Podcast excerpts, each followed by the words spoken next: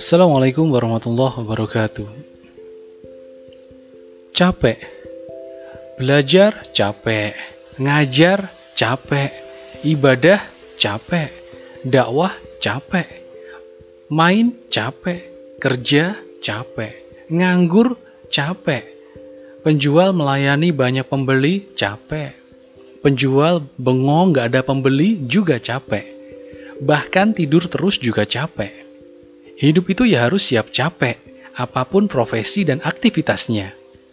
Hanya saja kita harus siap ditanya saat berdiri di hari hisap. Capek tubuhmu untuk apa?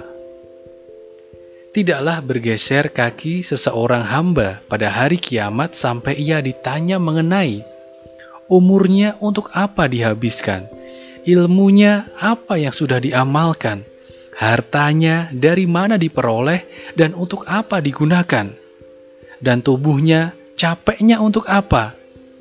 Hadis riwayat Tirmizi. Kemudian kapan kita beristirahat? Wahai diri, inilah dunia. Setiap kali kau bangun tidur, perjalananmu akan terus berulang. Kau akan terus menemukan hal yang sama, menerima, belajar, lelah pun kuat tetapi tujuannya adalah sama. Pun begitu juga jawabannya sama. Dan yang memahami hanya orang-orang yang tahu bahwa dunia tempatnya berlelah-lelah, bukan tempatnya istirahat. Imam Ahmad bin Hambal rahimahullah pernah ditanya, Wahai Imam, kapankah waktu istirahat itu? Imam Ahmad bin Hambal menjawab, Jika kita telah menginjakkan kaki di surga, maka di sanalah kita akan beristirahat. Jika lelah kita adalah dunia, maka yang membuat tetap semangat itu akhirat. Jikalau kita lelah karena kebaikan, maka sesungguhnya keletihan itu akan hilang dan kebaikan akan kekal.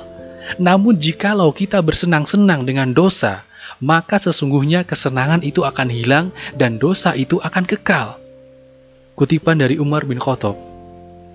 Semoga di setiap lelah yang melepuh, dan pada sebuah daun yang gugur akan menenangkan hati bahwa Allah Maha Mengetahui. Selamat menata hati. Barakallahu fikum. Wassalamualaikum warahmatullahi wabarakatuh.